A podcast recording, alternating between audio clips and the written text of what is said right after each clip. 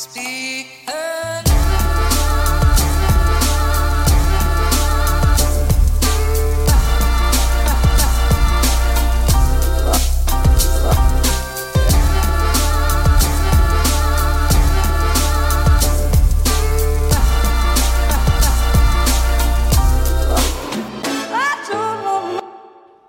dag og velkommen hit til Klagemuren. Mitt navn er Kevin Kildahl, og det er tirsdag 4. mai. Klokka mi er 21.25, fordi at eh, Ja. Fordi at sånn, eh, sånn går nå dagene. Av og til så blir det så langt at det Altså, det går så går så lang tid til jeg kommer i gang at jeg må bare få det Altså, jeg må bare sette i gang, fordi at hvis ikke så blir ikke jeg å rekke å spille inn podkasten før hun eh, min vakre, nydelige, fantastiske Julianne kommer hjem fra arbeid. Sant? Og alle de her små de her små eh, Hva jeg skal kalle det? Sjøltillitsonanien jeg gjør for hennes del. Det er fordi at hun hører faktisk Det, det, det er et tegn på hvor, hvor mye hun elsker meg. Det at vi har vært i lag i tre år ish. Et faen, spørs hvilke datoer du ser på. um, og uh, hun, hun, hun hører fortsatt på podkasten. Og jeg vet jo at, vet jo at en eh, liten eh, en eh, liten del av det er jo fordi at hun liker å høre om seg sjøl. Og så i tillegg er det da at, at hun får vite masse greier som jeg ikke forteller henne ellers, og det, via podkasten. Og det er, ikke, det er ikke sånn at jeg driver på og lyver til henne. Det er bare at når jeg har fortalt det f.eks. i podkasten, så føler jeg at jeg har fortalt det. Eh, og jeg forteller i podkasten, jeg forteller ting til han Dan, jeg forteller ting til han Erlend. Ikke? Så, så glemmer jeg av hvem har mottatt hvordan av denne infoen. Som er grunnen til at jeg liksom, jeg vurderer å starte ei bare ei lita internavis, om du vil. Hvor jeg kan uh, Det hadde vært Altså, det er jo narsissisme uh, Altså, det, det, det er narsissisme satt i en fysisk form. Det er hvis du lager ei lita lita internavis jeg kan dele ut i huset her, får trykt opp proft på, på forretningstrykk og bare uh, Daily Kevin. Se. Og jeg hadde kommet til å stave det Daily, som i det er I-L-I-G, Kevin. Så bare for et lite ordspill der, som han Dan Robin hadde kommet til å spydde av, eh, så hadde jeg delt den ut. Stått rundt i glasshuset. Her er det han Kevin har gjort den her uka. Um, og det, om jeg hadde gjort det der, om jeg hadde liksom laga ei avis som dokumenterte min uh, alt, mat, uh, onanifrekvens, uh, resultater fra joggeturer, lite kåseri per uke kanskje, så hadde det fortsatt vært ei bedre avis enn f.eks. Bodø-Posten. eller eh, eller Resett. Eh, det hadde jo vært en, eh, jo vært en eh, ytre, ytre venstre Resett. Fins det? det? Jeg vet ikke om det er noe som heter det. Men, men ja, nei, jeg har, prokra jeg har prokrastinert, fordi at i dag så har jeg vært ganske forbanna. Jeg har vært i dårlig humør tidvis. Og det er sånn, den dagen her har vært en veldig sånn eh, berg-og-dal-bane følelsesmessig. Eh, jeg, har, jeg skal ta opp bare den mailen jeg fikk Skal vi se Ja. Um, nå er jo den uh, ikke finnbar. Men det var en fyr som uh, Det var en dude som bare skrev meg en sånn mail uh, og bitcha om de her reklamene. Sant? Så han er obviously da ikke en patrion. Han er ikke på Patrion, men han uh, syns de reklamene er så jævla kjipe. Eh, og at og han kaller meg for en sell-out i, uh, i mailen. Og, og eh, det, hva, altså, de her tingene går ikke egentlig inn på meg, Uh, med mindre jeg er i feil type humør når jeg leser de. Og jeg var tydeligvis ikke der jeg burde være når jeg leste den mailen. Men det jeg vil si, er at jeg håper at alle dere lytterne skjønner at jeg har jo ikke lyst Jeg vil ikke ha Jeg vil ikke spille inn reklame. Jeg har ikke lyst til å ha et langt stikk hvor jeg, hvor jeg selger inn eh, produkter. Fordi at det er, ikke, det er ikke da jeg vil prate om. sant? Når Jeg reklamerer for HBO. Ja, jeg har HBO. Eh, Jeg reklamerer for fiken. Ja, jeg bruker fiken. Og fiken Jeg kødder ikke. Fiken det er på ekte bra. Jeg vil anbefale det til alle som driver en bedrift. Hvis de er like tomsing som meg, hvis de er, hvis de er, like, de er like blank innenfor det her å faktisk drive en bedrift, men bare har lyst til å ha en bedrift. sant? Det er jo noe, er noe kult å, å kunne si Vel, jeg er selvstendig næringsdrivende, men samtidig nå i dag kontra før, for før i tida så husker jeg jeg var sånn Wow, han er selvstendig, han har et firma. Han er selvstendig næringsdrivende. Men nå i dag så sklir det bare mer og mer over i å bli eh, det nye harde skolen. Skjønner? Nå er det sånn her, i, hvert fall i mine øyne, for, for det er sånn her Hver gang jeg ser noen på Facebook eller Tinder eller noe sånt, og står selvstendig næringsdrivende, så, så er det sånn Ja, for hva? Hva, dri, hva driver ditt lille foretak med? Kan du være snill og, og, og, og informere oss? Hva er det du selger? Eller hva er det du leverer slags tjeneste? Jeg har den Jeg har en sånn forutinntatt sånn her eh, greie hvor jeg ser ned på hva det enn de gjør, og jeg lurer på hvorfor det blitt sånn. Hvorfor har jeg, hvorfor er jeg blitt han fyren som ser ned på selvstendig næringsdrivende? Det er vel kanskje fordi at jeg sjøl er en, sant? Og jeg vil ikke sidestille meg sjøl med eh, vellykkede eh, næringsdrivende, som f.eks. Bill Gates eller eh, Peter Stordalen, eller ja, jeg, altså, jeg vil, jeg vil skjenke meg sjøl mer eh, Kanskje mer moral enn eh, de her karene. Men, men moral betaler ikke husleia di, motherfucker, og det har vi veldig ofte bevisst. Og, eh, og jeg har prøvd å være en, en moralsk bra fyr i massevis av år nå, og det har ikke ført meg noen plass som mer, mer økonomisk Altså i sånn økonomisk perspektiv, så har ikke det berga noe som helst. Så det, det men ja, jeg kan, jeg kan markedsføre for jeg kan, jeg, kan, jeg kan kjøre reklame for fiken fordi at jeg bruker det, og jeg kan stille meg bak det. Jeg har sagt nei til flere reklamer. Jeg har sagt nei til uh, reklamer som har vært bare rett og slett i mine øyne hånlig dårlig betalt. Og så har jeg sagt nei til reklamer for f.eks. cola. Altså ikke, kokainet, men Det heller vil ikke jeg kjørt reklame for, for jeg, jeg, jeg holder meg unna den driten der. Men Coca-Cola, altså rød, bru, rød cola, sant? Sånn her, altså, de er sukkerbomben. de er han, eh, du legger ut en video av at du legger et eh, kjøttstykke i cola over natta, og så er det ferdigstekt når du våkner. Jeg, jeg skjønner ikke hvordan det funker. Jeg vet ikke om de videoene er sanne. Det jeg vet, er at jeg var en, skikk, jeg var en heftig Coca-Cola-drikker tidligere, når jeg var en feit, ekkel faen. sant? Og da, og da Jeg vil ikke jeg vil ikke markedsspørre noe som kan få folk tilbake dit. Men hvem vet om ja, HBO? Ja. Er det er TV som gjelder sunt? Ja, hvis du holder TV-en avslått og bruker det som eh, som, et, som en gulrot, sant? Som en eh, dopamin eh, dopamingave til deg sjøl de dagene du har vært flink og gjort et eh, ærlig stykke arbeid. Sant?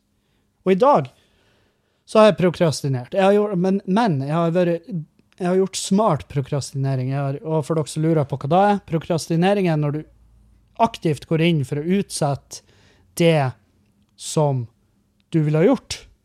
Eh, Det som er viktig at du gjør. Og det som er viktig i dag på tirsdager, det er at jeg får eh, spille inn en podkast, og at den ikke høres ut som at jeg har slag, eller at jeg sitter her og, eh, og er depressiv som faen. Og, «Øh, jeg, får ikke betalt husleia. Ja, men vet du hva, Kevin? Vet du hva som hjelper for å få betalt husleia? Spille inn podkaster som er bra, morsom, så kanskje folk vil bli inspirert til å høre videre på podkasten, sånn at du kan få mer penger innenfor reklamen i podkasten, og samtidig kanskje de hiver seg med på Patrion, gud forby, der det ligger masse masse ekstramateriale. Det, det er så mye smartere, Kevin, enn å trø rundt i huset og være Uh, og, og gjøre husarbeid. Selv om husarbeid må gjøres, og det er kjempebra, så har du fortsatt masse, masse andre dager i uka der du kan få unnagjort den slags. Og greia er at den mailen han der motherfuckeren sendte meg, den, den gjorde meg bare så forbanna, fordi jeg jeg har irritert meg over det reklamegreiene. Jeg vil at dere skal forstå at det er ikke det som plager meg, det er det her. Sant? Jeg har av og til noen reklamer før episoden, og noen ganger midt i. Ish. Og så har de gitt meg sånn info om at ja, hvis du bare skriver inn tida der hvor du vil ha reklamestikket midt i episoden, så vil det komme på det, den tida eksakt, altså 28 minutter, 12 sekunder, sant? Så vil reklamen spilles av der. Men jeg tror at det er noe feil der, fordi at hvis at jeg har en reklame i starten av podkasten, så blir ikke den regna med i det timestamp-greiene. Så jeg, jeg- Men jeg lover dere, jeg skal komme skikkelig inn i det, sånn at det blir reklame når jeg sier oh, nå går vi over til reklame. Sant?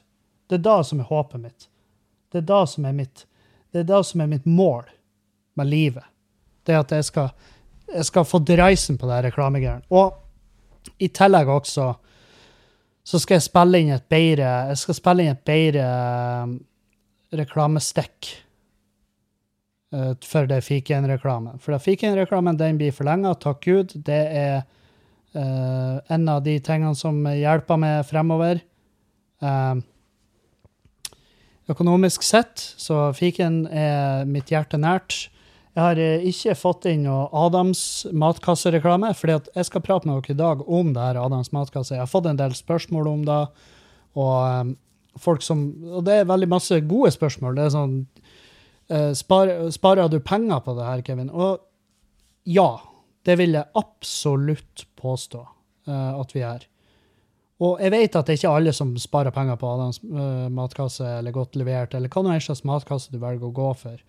Men det er folk som er kjempe, kjempeflinke å sette opp eh, menyer for seg sjøl i heimen, og, sant, og sørge for å eh, få variert kost inn i hverdagen, og velge råvarer som er både fornuftig i sesong og billig. sant? Eh, mens jeg, Julianne og Dan Robin vi er tre herlige mennesker på vårt helt egne vis, men en plass der vi ikke er herlige, så er det på økonomi og mat. Eh, De to kombinert. Julianne er smart på økonomi, men hun er altså Hvis du, hvis du slipper å løse på kjøkken, og bare her er de ingrediensene vi har Hvis du har alle ingrediensene i hele verden på det kjøkkenet, så kan jeg Altså, jeg kan love deg at hun kommer til å bare Hun kommer til å klikke. Og det kommer ikke til å bli laga noe mat. Og hvis det blir laga noe mat, så er det noe hun kan kjempe, kjempegodt fra før. Så det blir sånn mac and cheese eller noe som er godt, men ikke nødvendigvis så jævla bra i lengden. Og vi blir så fette matlei, og vi blir så late. Og de gangene jeg har prøvd å handle inn liksom sånn her Å, nå skal vi være smart, og skal vi handle hele uka, sette opp en meny. Det blir ikke billigere. Jeg, jeg skjønner ikke hvorfor, men det blir ikke billigere. Så ja. Eh, men jeg har ikke fått noe svar på reklame hos de, men det jeg fant, det er eh, noe som kan funke som reklame og kan eh, hjelpe dere, og så hjelpe meg. Jeg vet ikke hvor Det her er litt artig, fordi at jeg er litt jeg er litt i tvil om hvor lov det her er. Men, eh, men Hva er det verste som kan skje? Jo, det er sikkert helt horrible konsekvenser, Kevin. Det jeg kan fortelle dere, er at um, hvis du har lyst til å teste uh, Adams matkasse, som har vært helt fantastisk for oss, uh, så kan du eh, bruke en rabattkode, sånn at du får halv pris på de første levering, uh, og, så, og så får jeg uh, bonus via min bruker på Adams matkasse. Det er helt fantastisk. Er det ikke nydelig? Er det ikke utopi? Jo, det er kanskje det. Det blir sikkert å gå rett til helvete. Men det du kan gjøre, er at du bruker den rabattkoden du får nå. Og den er Kevin. Ja, den er Kevin med store bokstaver. Og så er det, og så er det et nummer. Og det her, alt det her skal skrives i ett. Og den er Kevin 10 32 37 2. Sant? Så hvis du prøver det der, så, får, eh, så, så tror jeg jeg får halv pris på den neste kassa mi. Men det har hjulpet så jævlig. For det første, jeg spiser ikke i nærheten av så mye kjøtt som jeg gjorde. Og det er så deilig. Det er så fette deilig. For jeg kjenner hvor mye lettere det blir i kroppen. Magen jobber bedre. Eh, jeg har fått skryt, fordi at eh, nå er det ikke sånn lenger at hver gang jeg fiser, så, eh, så detter tapeten av veggene, og hundene i nabolaget begynner å ule. Så, så det er jo en fordel. Det her med at jeg føler, at jeg føler meg lettere til fots og mer energi og sunnere. Og så er det i tillegg det her at vi lærer masse greier på kjøkkenet. Altså det er jo, Kjøkkenet er det- Jeg leste en gang at alle som er, altså som havner i en sånn der mattranse, de, de resirkulerer de ti samme rettene i heimet sitt. Og det her, er- det her sier jeg fordi at det var sånn jeg sjøl Det var når jeg leste da, at jeg sjøl innså at det, det er fette rett. Det, jeg, vet, jeg, klar, jeg vet ikke om jeg klarer å ramse opp ti retter en gang som vi lager fast her hjemme.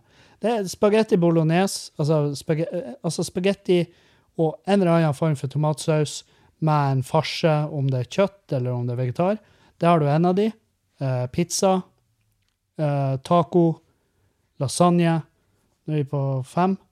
Eh, jeg vet faen.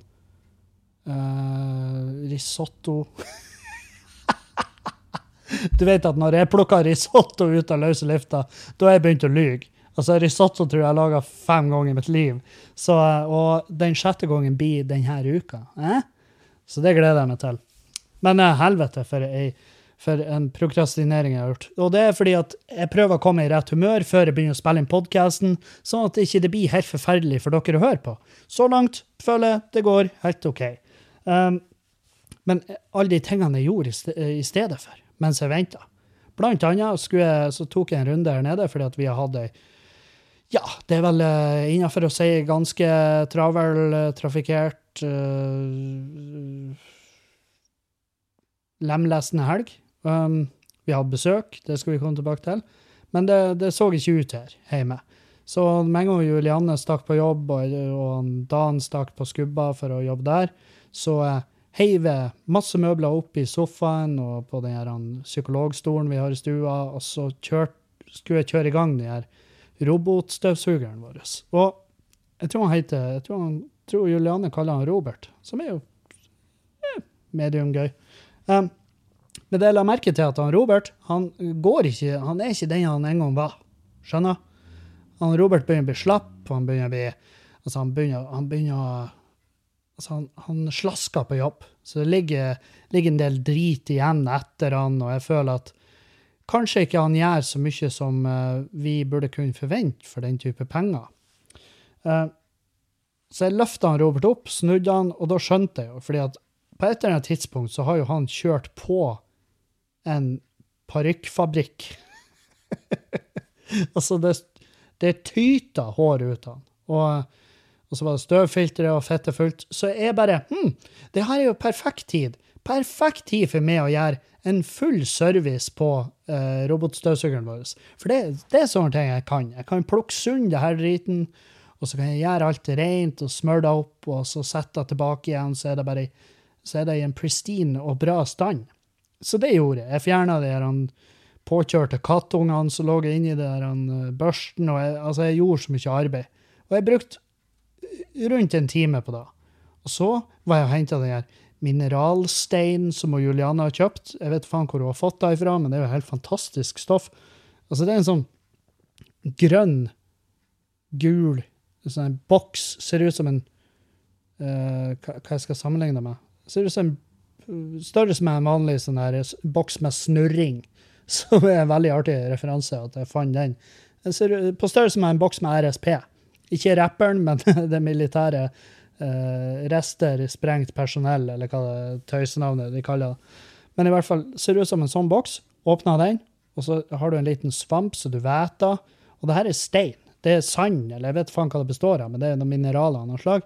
Så bruker du en svamp på det, litt våt svamp, stryk på den, og så kan du gnikke rein eh, en platetopp, eksempel. Og det var platetopp som ble eh, som skulle til pers i dag, fordi at Ja, vi, vi er ikke noe flinke. Jeg føler her er, Vi har en fette ny platetopp. Den kjøpte vi i fjor en gang. Og jeg blir frustrert over å se hvor dårlig vi tar vare på de her tingene. Men nå, nå ser han squeaky clean ut. Han ser ut som han er henta rett ut av de blødende hender til hvem nå enn slags slaver i et, uh, i et eh, u-land som har montert den her. Men i hvert fall, han så, fantastisk ut etterpå. Så det har jeg gjort. Vaska masse klær, vaska håndduker. Jeg har vært og uh, rydda i bilen. Jeg har vært på skubba og brøtte på det modularsystemet som vi har for øltankene våre. Eh, for det er noen en eller annen, jeg vet ikke hvem, men en eller annen ansatt har greid å skru på lokket på modularen skjevt.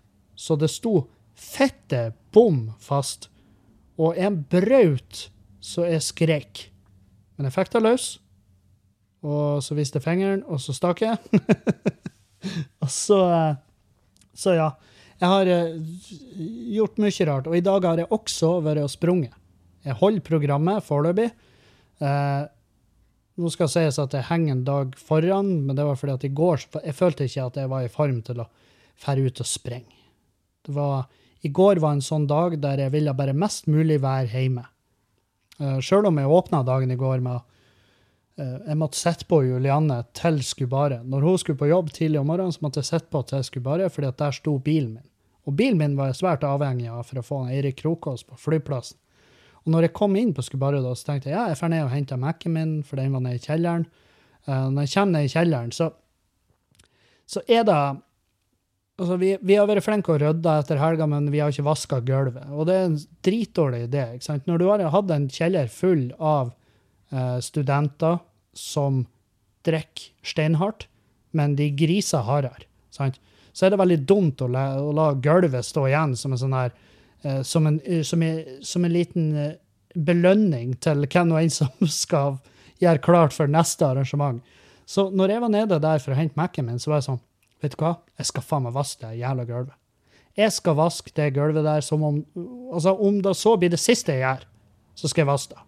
Det skal bli min Det gulvet her, det skal bli min, uh, mitt Vietnam. Og det er det virkelig den dag i dag. Herregud, for et arbeid. Og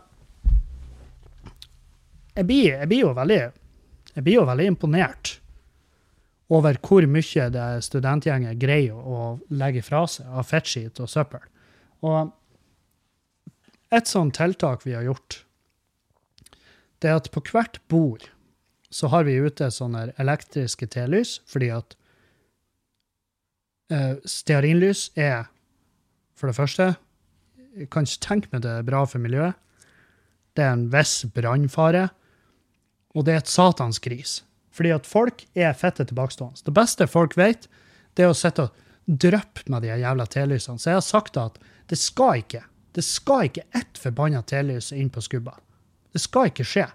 Og de gangene det skjer, jo, da er det gris. Og så blir jeg forbanna, og så blir de ansatte lei seg fordi at jeg går rundt og er forbanna. Og så, eh, og så har vi det gående. Men vi satt ut de elektriske lysene, og så setter vi ut ei lita bøtte på hvert bord som vi har skrevet snus på. Og eh, jeg lot meg imponere, fordi at på den ene settegruppa der det har vært et gjeng med studenter, så var eh, det var sånn, det er sånn stor sånn sofa-lounge-gruppe, så du kan bestille Hvis dere er en stor nok kohort, så kan dere bestille den sofa-loungen, og da har dere 15 seter eller noe sånt. Og, og den var jo bestilt nå til musikkbingoen på lørdag. Og der sto det fem sånne her snusbøtter, og det var ikke én snus i de.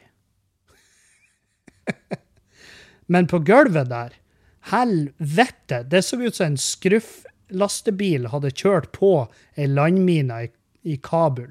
Altså, det var så mye snus. Overalt ellers enn i den jævla bøtta. Og, og, da, og, da, og da reagerte ikke jeg med sinne engang. Jeg flira mens jeg så på det. Jeg var sånn Hvordan kan jeg forevige det her best mulig? Kan, får jeg til å ta et bilde som viser at alle de bøttene er tomme? Men samtidig gulvet er uh, er det lille røde hav av sånn her brun, ekkel snus. Så um, så det Altså, de gangene folk uh, an, Altså, de gangene folk antyder at vi driver denne puben her fordi at vi tjener penger på det, og, og det er bare for egen vinning, så skal jeg ta de med på ei arbeidsuke som jeg eller han Dan har i forbindelse med den puben der. Og så skal jeg si til dem i slutten av den uka, når de spør ja, hvor mye lønn får jeg, skal jeg si du får like mye lønn som meg og Dan, og det er null. Det er ikke ei jævla krone. Jeg kan love deg, det koster oss faktisk penger å drive den puben, kontra hva vi tjener. Vi tjener ingenting. Vi har ikke tatt ut lønn den dag i dag. Ennå ikke. Det er så vidt jeg får ut utleggene mine. så eh, Så ja. Men, eh, men ja, vi har besøk av Eirik Krokås. Han eh, kom hit på kom hit på tirsdag kveld forrige uke, og han for i går. Så han har nesten vært hele uka hos oss. Og det var jævlig kos. Han Eirik er en jævlig god venn av meg, og jeg og Eirik kobla. Og han og Julianne kobla veldig bra, så det er liksom Jeg, jeg, jeg vet at jeg kan jeg kan forlate stua med de to igjen i stua, så vet jeg at det ikke det kommer ikke til å bli dritekkel stemning og sånn her. Ja, så hva tenker du om eh, om Sylvi Listhaug?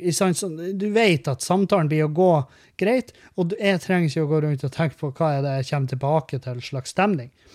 Så han kom eh, oppover fordi han trengte seg rett og slett litt tid ja, litt avslapning, litt R&R, litt uh, nærkontakt. Um, han holder til i Oslo, så det er liksom Det, er ikke, det, er ikke, det har ikke vært dritnice tider. Så han reiste opp hit, og så reiste han hjem til Bergen til familien nå på mandag. Så jeg tror han Jeg håper det er et nytt menneske som uh, tusser av gårde, som er sendt av gårde på flyplassen i går med snippsekken på ryggen og et smil om munnen. Men uh, men uh, han kom nå oppover, og det er jo klart Er han Eirik i lag har jo en uh, Har jo et forhold til f.eks. Alkohol som er veldig avslappa.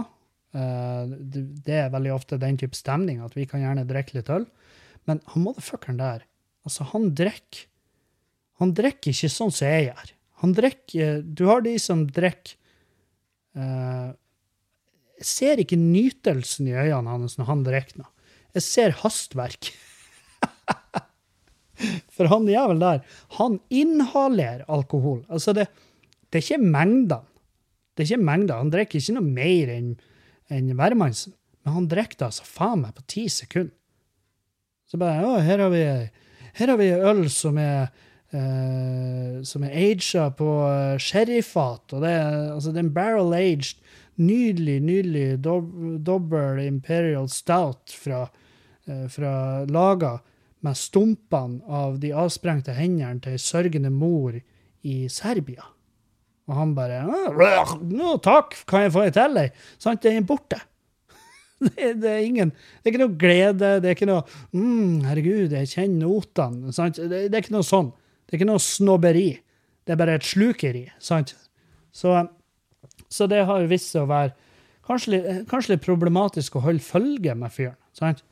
Så han eh, veldig ofte og, og, i hvert fall når jeg har måttet kjørt et par av de her dagene, hvor jeg har kjørt liksom bortover på skubba, vi har jobba, så har han drukket masse øl, og så når jeg kommer hjem, så er jo han altså Det er jo umulig å ta han igjen, sant?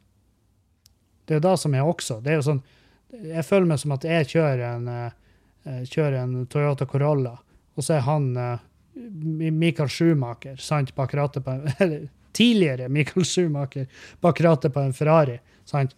Så han kjører av gårde, og så er han jo faen meg en kilometer unna meg bare etter ti sekunder. Og så kan du plusse på fem timer, og så skal jeg liksom ta meg ei, ei øl eller en drink. Altså, det er jo ikke kjangs. Ikke i helvete. Han er jo halvveis ut av Melkeveien når jeg begynner å drikke. Så det var et par dager der det var basically bare han som drakk. Um, men, men vi har altså hatt det så trivelig. Og det har vært fette god stemning. Vi har fått gjort en masse arbeid på skubba. Uh, på fredagen så uh, skulle jeg, Erlend, uh, gjøre en livepodkast. Klagemuren versus Heimelaga. Og um, så tenkte vi ja, ja, han Eirik er jo i byen, så vi tar han bare med som en gjest på den podkasten. Og den livepoden var faen meg så fette artig. Det var så jævlig kos. Det var så god stemning. Folk Det var et par Det var et par stykk i salen som eh, Som eh, jeg kunne vært foruten. Det var en fyr der som bare var regelrett fette amøbe maurings. Altså, han var så jævlig ute av det. Eh, og han satt og kauka og prata. Og så jeg, måtte, jeg vet ikke hvor mange ganger jeg måtte be han om å holde kjeft. Men det, det gikk fint. Han ødela ikke noe. Men så var det en annen dude der inne som eh, gjorde altså noe av det mest kjipe jeg har sett og hørt på lenge. Altså, og jeg lurer på om det var i, i et forsøk på å være artig, men en del av meg håper bare at han er dum og ikke, og ikke skjønner. Men hvis det var et forsøk på å være artig, så er det, det er virkelig ingen håp der. Men han var sånn her Han nevnte et eller annet. Det var i en sånn side Han kauka et svar til oss, og så sa jeg til ham bare sånn Du, eh, må du passe på hva du sier om kjerringa di, ellers så Og så sier han bare «Ja, etter den slankeoperasjonen, så Ikke sant? Og vi bare, alle tre, jeg, Eirik og Erlend, samtidig. Wow, wow, wow! Takk til det! Det her skal ikke vi Du får ikke lov å shame kjerringa di når, når hun sitter rett på sida av det. Uh, og jeg, jeg, jeg så hun jenta, og jeg hadde så vondt i meg av. Og eh, jeg håper jo den dag i dag at det går kjempebra med henne. Og jeg håper jo også for hennes del at kanskje hun har uh, funnet ut at han fyren er vel ikke nødvendigvis han fyren som hun trenger å dele livet sitt med. Altså hvis, hvis, hvis jeg noensinne hadde funnet meg sjøl i en situasjon der jeg begynner å shame og Julianne, og setter hun sånn her eh, Setter henne i en sånn posisjon, der jeg går løs på noe så hardt, så sårbart, foran et, en fullsatt sal. Jeg klarer ikke å fatte og begripe hva som, spinner i hodet til folk. Men nå, nå var nå da som skjedde. Og eh, noe sier meg at han hører jo kanskje på denne podkasten. Det tenker jeg jo først på nå. At enten så hører han på podkasten min, eller så hører han på Erlend sin. Hvis du hører på, min gode mann, ta, ta, gå i det sjøl. Hva, hva som fikk deg til å gjøre det her? Og jeg skjønner at ikke alle kan forstå hva det var slags stemning, men jeg tror du kan se den stemninga høvelig greit hvis du er For vi har lagt ut livepod-videoen på Patrion-sida mi. Det var det. Jeg må push, jeg må um, plugge Patrion-sida mi. Uh, for der inne, hvis du går på patrion.com slash Kevin Kildahl, så finner du masse, masse, masse, masse bonuspodcaster. Du får en egen RSS-kode hvor du får opp de her podkastene, f.eks., uten reklame. Du får også Verna bedrift. Eh, det blir liggende der ute. Som er podkasten jeg og Dan har i lag, som er faen meg blitt kjempeglad i den podkasten òg. Og, eh, og så ligger livepoden der ute med video og bare lydfil, alt etter hva du vil. Og der inne får du se det her. det øyeblikket. Og da ser du at jeg, Erlend og Eirik samtidig bare «Eh, Helvete! Og så er det sånn her I retrospekt så skulle jo jeg bare fått fyren hevet ut, men, men uh, vi var understaffed, sant? Vi hadde ene bartenderen vår som uh, falt i eh, Falt i ei forferdelig ulykke, slått hodet sitt. Uh, ulykka skjedde vel kanskje like før da, at hun data slo hodet sitt, men hun uh, hadde i hvert fall massiv hjernerystelse, kunne ikke komme på jobb, den ene dørvakta var sjuk. Så jeg hadde liksom ingen å lene meg på. Eh, hvis vi skulle ha fått hevet ut av den motherfuckeren, så jeg måtte ha gjort det sjøl. Og det kunne jo fort ha blitt en enda mer utrivelig eh, situasjon, fordi det er veldig, det er veldig typisk da, at hvis en, hvis en fyr i publikum er i stand til å si og gjøre de her tingene uten at han rønker på nesen, og faktisk på ekte tror at han sjøl er fette artig, så er det et stor odds for at han kan bli vanskelig å få hevet ut òg. Fordi at eh, det kan hende han sier seg veldig uenig og begynner å hyle at 'jeg har betalt for det her', og jeg sier 'men motherfucker, jeg skal jo selvfølgelig vippse deg tilbake pengene'. Jeg trenger bare at du forlater bygget. 'Jeg far ikke en meter!' Så er vi i gang. Det har jeg opplevd en gang på Nordlendingen. Det husker jeg. Det blir jeg aldri å glemme. Um, det var altså en fyr i salen på en klubbkveld på Nordlendingen som satt og kauka og prata under hele jævla showet. Og jeg tror vi var på andre komikeren. Altså, det var veldig tidlig i showet. Men da var jeg sånn Du, nå må vi få han der fyren her ut. Og de ansatte og alle gikk og bare sa til ham du, nå må du fuck off. Og så stoppa vi showet. Og bare du, nå stikker du. Og så går jeg liksom bort til han eh, i lag med de ansatte for å liksom geleide han ut. Og når han røyser, så innser jeg at det her er fucking, altså det her er det største mennesket jeg har sett i mitt liv. Han er altså to meter og fem høy, og han er to meter og fem brei. Og jeg tenkte, vi er døde. Alle her er døde. Og det sa han òg. Han sa han skulle drepe alle oss. Han sa han skulle drepe alle innvandrere. Det var så mye rart som kom ut av kjeften på han. Og det endte jo med at vi var jeg tror vi var fire eller fem mannfolk som holdt han. Og altså, vi måtte bare holde han i hver vår arm og i eh, føtter og i hodet og bare strekke han. Det føltes som, om, eh, som Avengers-filmer når de går løs på han Thanos, og de bare henger på han som en nåle i en potet og bare prøver å få kontroll. Og sånn var det jo det, der. Og vi klar, jeg husker vi klarte å dra han motherfuckeren opp av eh, opp trappa på landingen, ut på gata der, og de har jo ringt politiet òg, selvfølgelig. Og når vi kom ut der, så bare så, så bare heiv vi han liksom ut. Og så sto han og kauka, han skulle drepe oss, han skulle drepe innvandrere. Og det var så artig, for da så jeg til venstre ned mot torget, og da kom det en innvandrer gående, og da hører han bare 'Jeg skal drepe alle innvandrere!' Og snur han seg, han stakkars fuckeren på torget. Han snur seg opp og ser han der svære fyren, han der titan, han der amazon som står og kauker utfor landingen. Og han der stakkars fyren, han fikk jo panikk. Og bare, altså Jeg har aldri sett noen sprenge så fort mens det ser ut som de går. Sant? Det var Norge, altså verdensmester i kappgang, tvert. Han pila opp gjennom torget der. Eh, og da husker jeg politiet kom, og, når, og da, da var jeg sånn der, da var jeg, da var jeg fordomsfull. fordi at når politibilen stoppa, så kom det ut to bitte små damer. To bitte små damer. Altså, jeg tippa de var en ei, kanskje ei 65, ei 70, derimellom. Og, og jeg tenkte, ja, jeg tror vi bare holder oss her. Jeg husker jeg sa det til guttegjengen òg. Jeg tror vi bare holder oss her, i tilfelle. Men det var da jeg fikk virkelig bevisst for meg hvor, eh, hvor tydelig det er at vold er ikke løsninga. Fysisk konfrontasjon burde være altså bare 100% forbeholdt sjølforsvaret. ikke sant? Fordi at når de kom, så begynte hun ene å bare prate rolig til han fyren, og hadde ei hand på, på skuldra hans. Og det var ikke ei sånn hand sånn der uh, sånn 'Å, her er kung fu-trikset mitt', og en finger inn under uh, skulderbladet, og så gikk han i knestående. Nei, nei. Det var, sånn, det var en reassuring. Det var en kjærlighetshand. Det var en 'Nå ordner seg. Nå går det bra. Hjelpa er her.' Den type hand. Og hun prata med en så silkemyk og nydelig stemme til han fyren, og han bare ble om. Han gikk ifra å være en, en sånn desperado som kjører en søppelbil gjennom et 17. mai-tog i Paris. Jeg vet ikke om de feirer 17. mai der, men de feirer en en annen dag. Men han gikk ifra å være en, en sånn gærning, sant?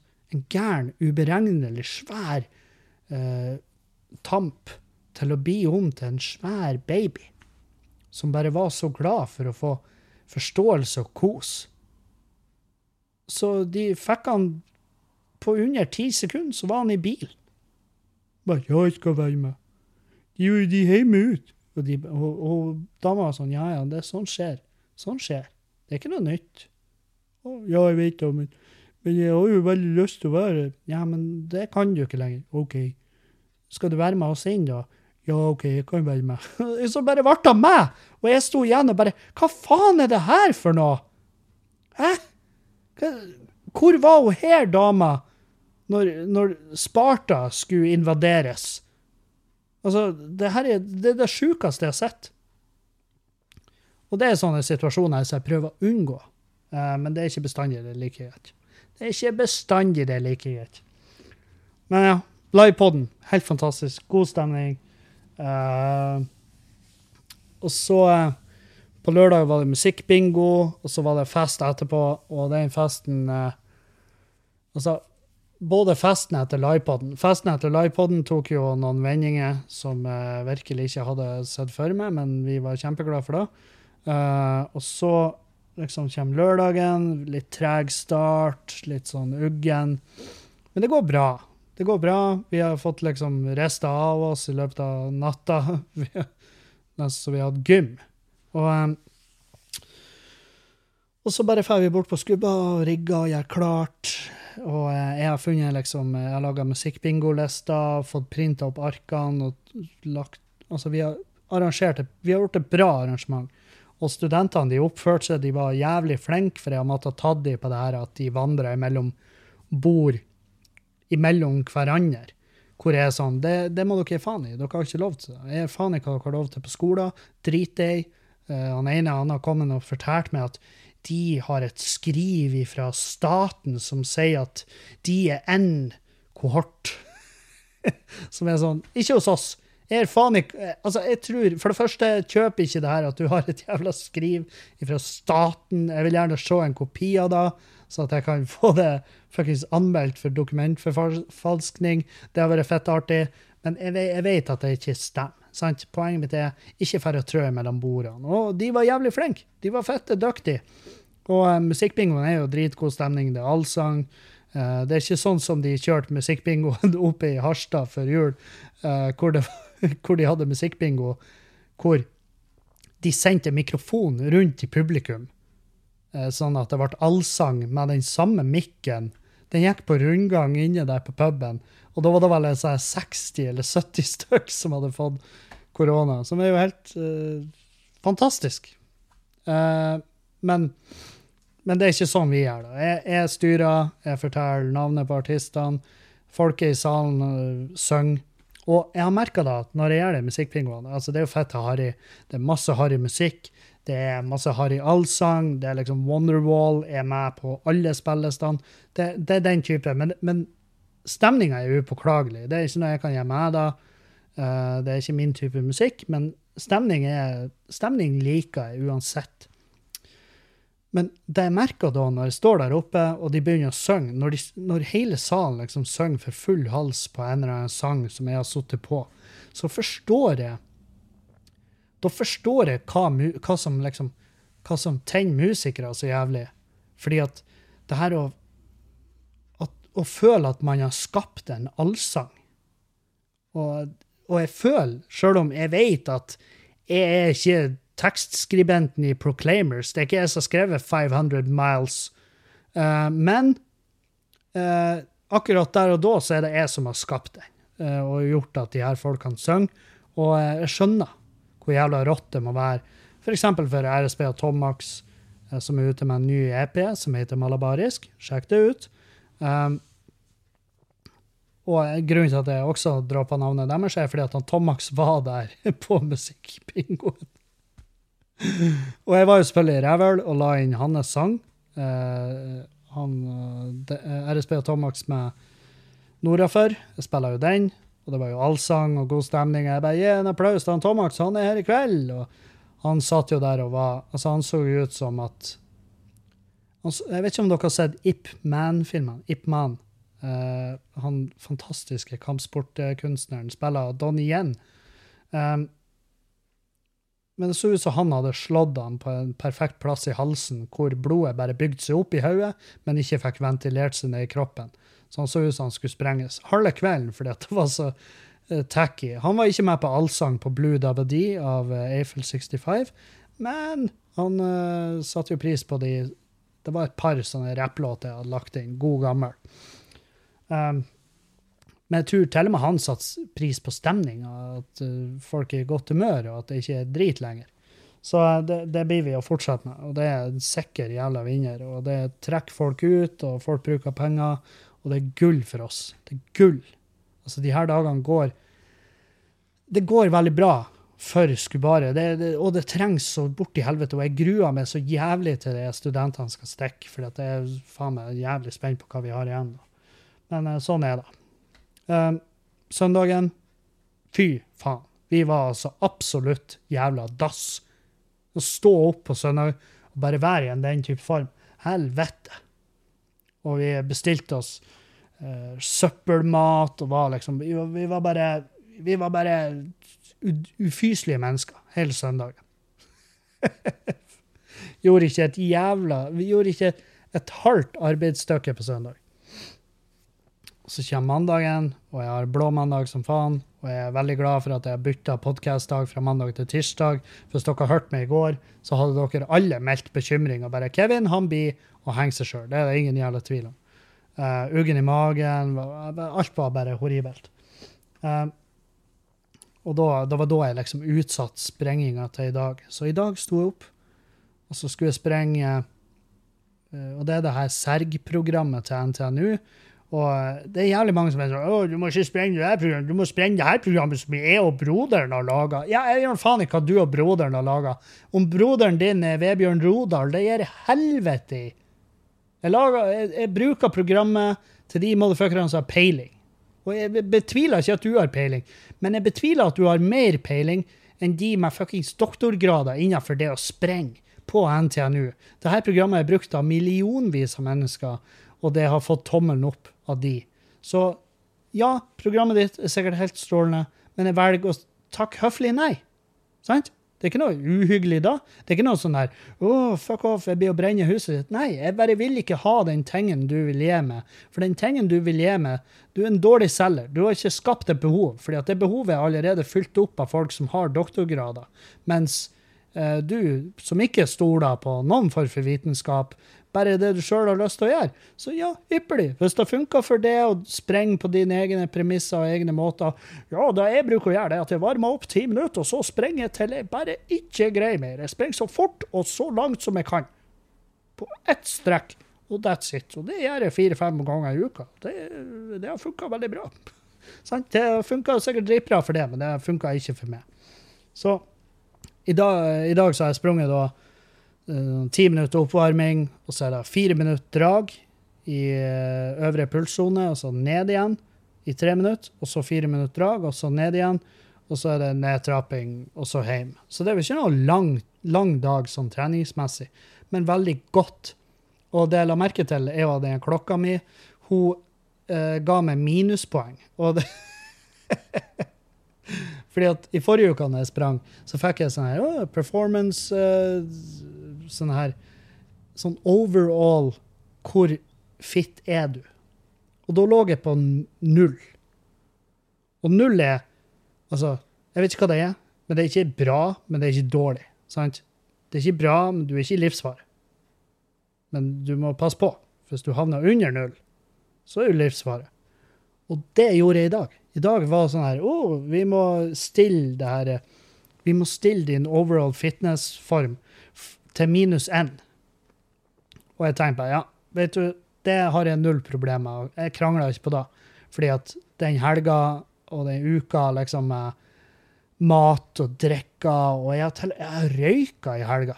Hvem faen? Hvem som gjør det? Jeg har røyka masse i helga. Så bare for Jeg vet faen.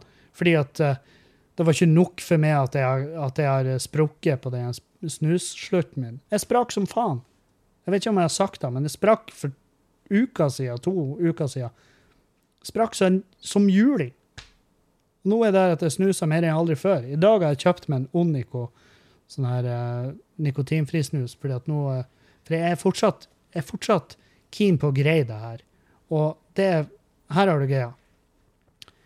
Hvis du slutter med noe, om det er heroin, snus, utroskap, eh, feit mat, slutta med karbohydrater, eh, men så sprekker du til slutt, sant?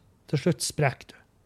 Du eter en, en kringle og en is, eller du puler naboen, sant? sånne her ting. Det er ikke verdens undergang, sant? Du vil, hvis du hvis du vil da nok, så blir du å greie det. Og du må ha rom for at du har fuckups. Og min fuckup har nå vært ja, to uker. Og det går greit. Blir, det er ikke det som blir å ta livet av meg. Det som blir å ta livet av meg, det er litt usikker på hva det blir. Men eh, akkurat nå for tida så har jeg veldig, jeg har veldig frykt for at det blir kreft. Um, og her er greia. hvorfor er det kreft som skremmer? Jo, det er fordi at uh, jeg hadde en uh, Det her er en blanding av ting. Jeg hadde mareritt om kreft, at jeg fikk kreft, og legen var sånn her 'Du er så jævlig ille ute.' Og jeg bare Det skal vi bli to om. Og så liksom videre i drømmen så ble det veldig tydelig at ja, legen hadde rett, så jeg hadde feil. Um, så det var en sånn kjip drøm, for den virka veldig ekte. Og så skjer det her midt oppi det her at jeg har vært og tatt blodprøver hos, uh, hos legen min fordi at jeg har det der med at hendene søvner om natta. Og så fant jeg ut der, på de blodprøvene, at jeg hadde for mye kalsium. Uh, hyperkalsemi, eller hva faen. Og så sto det liksom i sånn her i sånn epikrise at, på mitt navn uh, etter de prøvene at jeg burde ta en blodprøve igjen for å liksom avkrefte eller bekrefte sånn, sånn bein sånn beinkreft. Eller hva faen. Sånn kreft i beinet. Kreft i skjelettet. Og jeg, jeg, jeg, er ganske sikker på at det her er pga. mitt overforbruk ei hel uke med Powerade Samtidig som jeg drakk de her shakene mine og tar vitamintilskudd. Så han legen min var sånn OK, slutt å drikke Powerade av hva nå enn slags dum jævla grunn du har for å drikke det. Uh, slutt å ta det vitamintilskuddet, slutt å drikke de shakene. Bare, og så tar vi en ny test, og så ser vi hvorfor du har for mye kalsium i, i, i blodet. Og, og, det er klart, jeg har jo selvfølgelig googla, og det er sånn ja, hyperkalsemi det er beinkreft, for da skiller beinet ut mer kalsium. Det, det på en måte skeiver kalsium av skjelettet. Det er derfor du får høye kalsiumverdier i blodet. Og så kan det være nyresvikt. Det var, liksom, det var liksom de to jeg hengte meg opp i. Det var de to, det, og det er selvfølgelig de. Og du skal jo aldri google noe som helst. Du skal aldri google hva som feiler deg. For du, du, får jo kreft, da. Det er jo kreft du har. Med en gang du, en gang du er inni der. Så i dag så var jeg, jeg liksom Jeg har jo sagt til Juliane at eh, Jeg sa det til henne i dag først, at det var liksom det som var, skulle avkreftes. Uh, at, at, det var kreft. Og jeg gadd ikke si det i går, fordi at hun hadde en sånn nervedag i går, og det hadde jeg òg, så jeg var sånn Jeg, jeg gidder ikke å plage henne med det. Og jeg har sovet godt, så det har ikke plaga meg så jævla godt, mye. Men, men, jeg kjente det i dag når jeg tok de blodprøvene. Da var jeg skeptisk. Og for alt jeg vet, så er det ikke da engang legen min driver på å lete etter. Det kan være bare han nevrologen som skrev det i sitt, sin sånn rapport, og så bare Ja, kanskje det er kreft, hvem vet? Um, så, så, det var litt sånn her men, men, alle kjenner seg igjen i det her å være litt hypokonder og det å drive på å skremme oss sjøl. Og, og, jeg tar det så jævlig langt. ikke sant? Jeg, be, jeg, begynner jo å planlegge. Jeg begynner å planlegge som faen. ikke sant? Eh, hvordan, sånn, hva legger jeg igjen til Julianne? I sånn, sånn her type tankegang. Og det er, ikke, det er jo ikke bra. Det er jo ikke, altså det er ikke fornuftig. Er fornuftig er det kanskje hvis du planlegger framtida, at alt kan skje, men, men det, det, er ikke sunt. Det er ikke sunt å skremme vettet av deg sjøl på den måten. Så jeg, så jeg har sagt at nå må jeg bare fuckings puste ut, og så må jeg bare legge hendene på lårene og innse at jeg har for mye kalsium i blodet. Og det kan bety masse. oh. Jeg sa til han Dan, da Hvis det er kreft, da er nytt soloshow på gang. Da legger jeg ut videoen av Skamløs, starter helt på nytt. Så skal jeg monetize that shit. Uh, bare få inn penger for soloshow. Sette rett på noe lovende kryptovaluta. Uh, kjøp høyt, selg lavt. Det er Kevin-modellen. Vet dere hva jeg har merka? At uh, jeg og Juliane vi begynner å bli for det første veldig voksen. Vi prater om Altså, vi prater om så mye Det var Eirik som gjorde oss oppmerksom på det. at Vi prater om hva som er den beste metoden for å få vaska uh, kasseroller og, og, og stekepanner. Vi prata om om eh, hvordan vi vil ha uteområder, altså hagen vår. Jeg er blitt en hagegnom. Jeg har vært og luka en masse.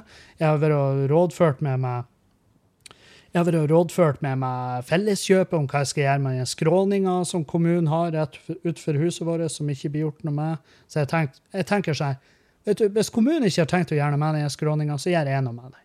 Da fikser jeg den. Og så planter jeg noe skitt der, sånn at det ser bedre ut, og jeg liker det om sommeren. Og så får de bare ryke og reise. For de kan Ja, det der er vår skråning. Ja, men dere har neglisjert den som en katt som får og trør her, ukastrert og uelska i nabolaget. Da har jeg tatt den inn, mata den, fått den på stell, satt en chip i den.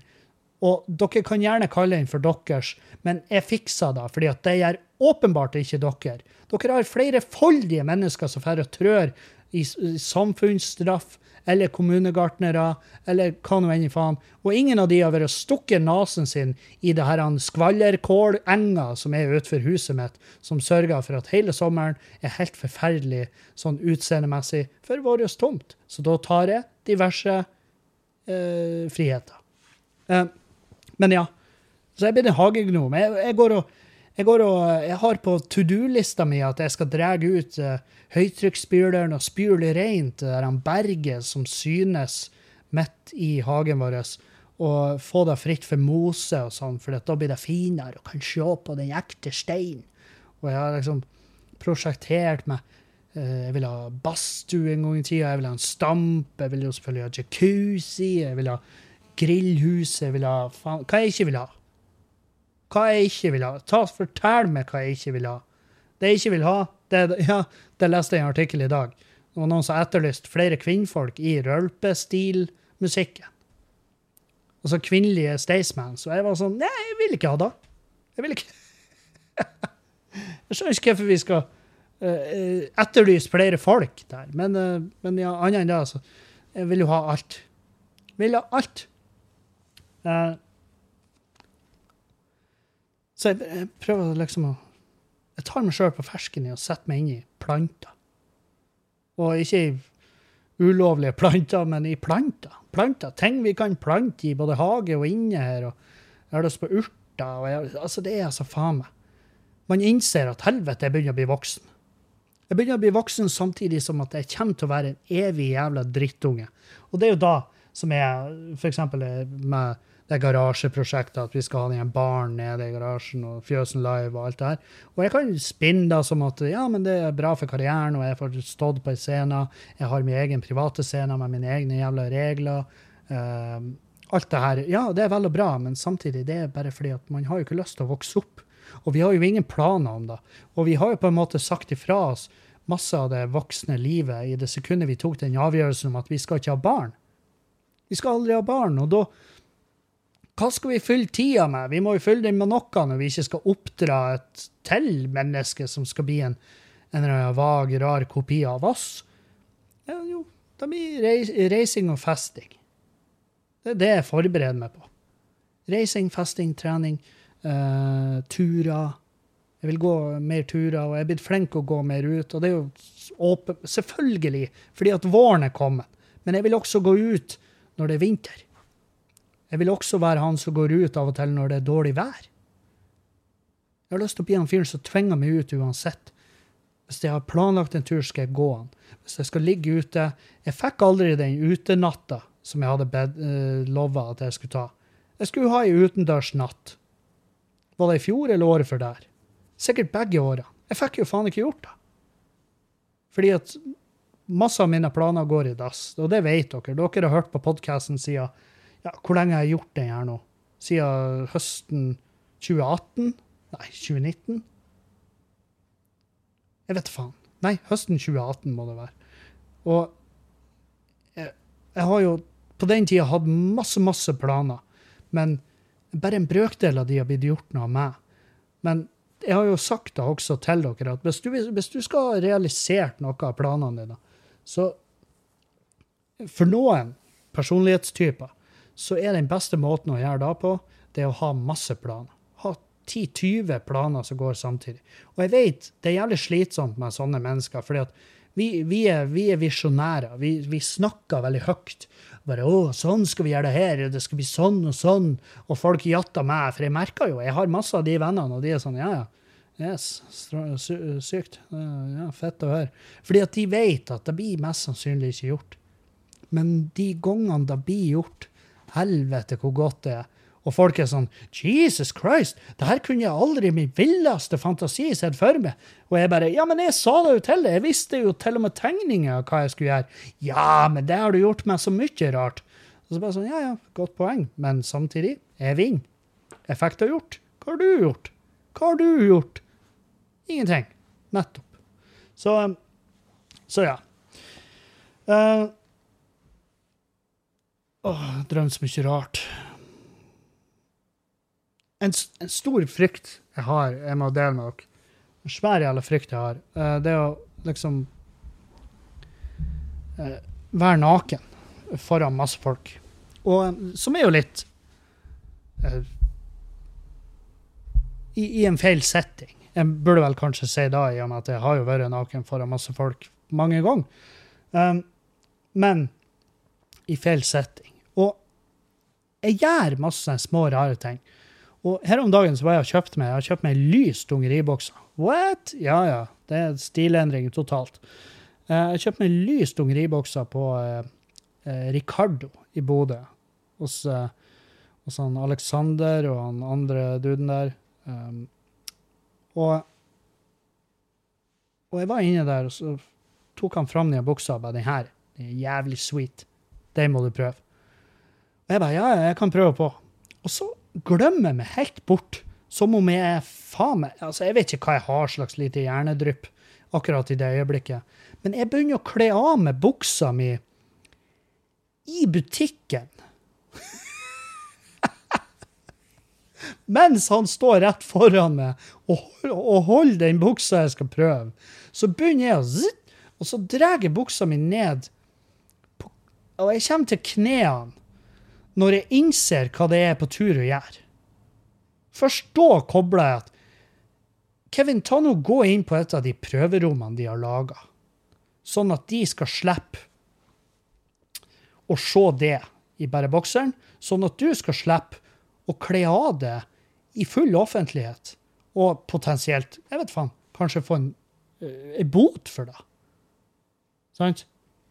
Og jeg får øyekontakt med han Uh, han fyren der, jeg husker ikke hva han heter, men han ser ut som en advokat. Og jeg får øyekontakt med han, og det er altså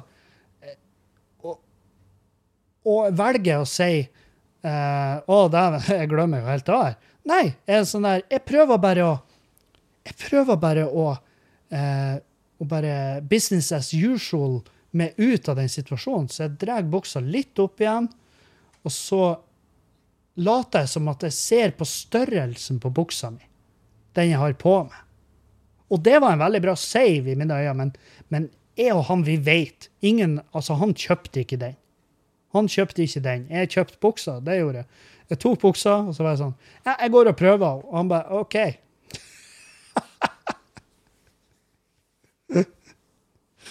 og, eh, og akkurat den situasjonen det minner meg så jævlig om en gang jeg var på jula. og Det var da, det, det er altså den største frykten jeg har. Og jeg er så jævlig var på de her tingene. For jeg er ikke noe fornøyd, jeg er ikke noe glad i å vise kroppen min. sant? Så når jeg ser gutter som bare drar av seg eh, genserne, og så bare blir skjorta litt meg opp, og jeg ser magen, og de har en flott mage det, det, det, Sånn der liker jeg ikke på meg. sant? Jeg, jeg er såpass, såpass dårlig som bildet av min egen kropp har jeg at er hæler ikke å havne i de situasjonene. Og jeg husker en gang på jula her i Bodø. Det er faktisk det verste jeg har vært med på. Altså, Den situasjonen ga meg en liten traume. Um, jeg er inne der på sommeren. Det må ha vært sommeren i fjor, for det var fette varmt. Det var altså så jævlig varmt.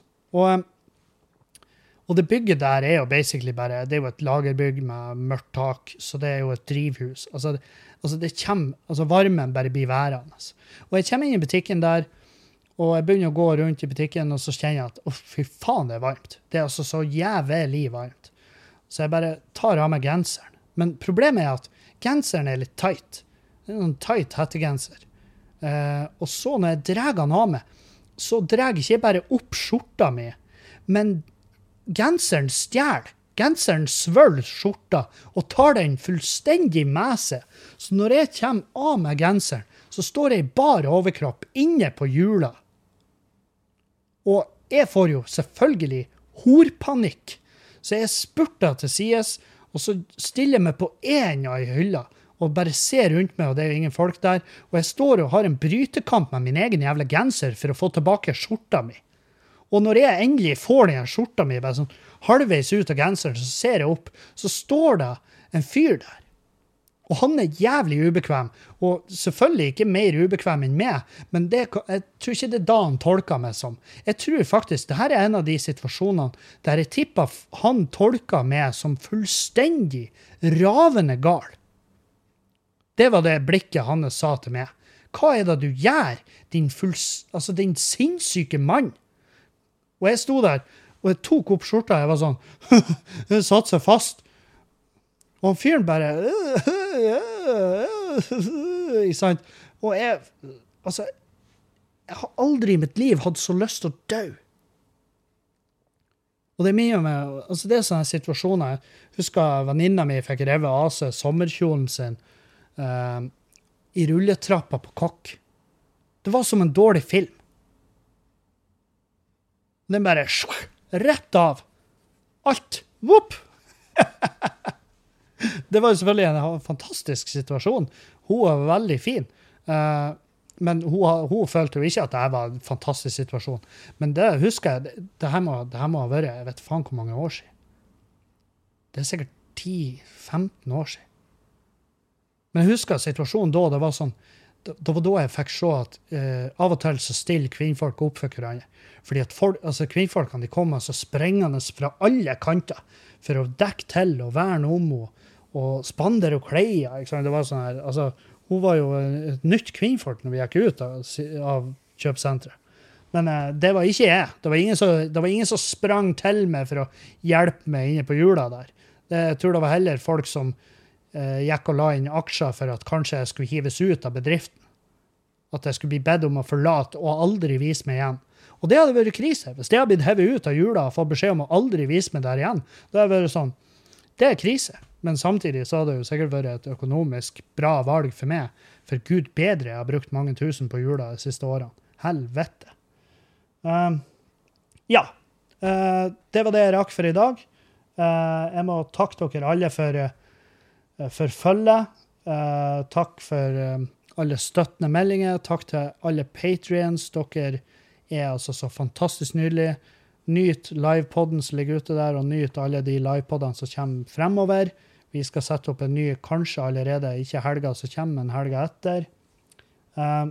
Og hvis dere har lyst, du, om dere er to personer, én person i huset, eller fire eller fem, ta og test ut Adams matkasse med min rabattkode, som er Kevin 10 32 37 2.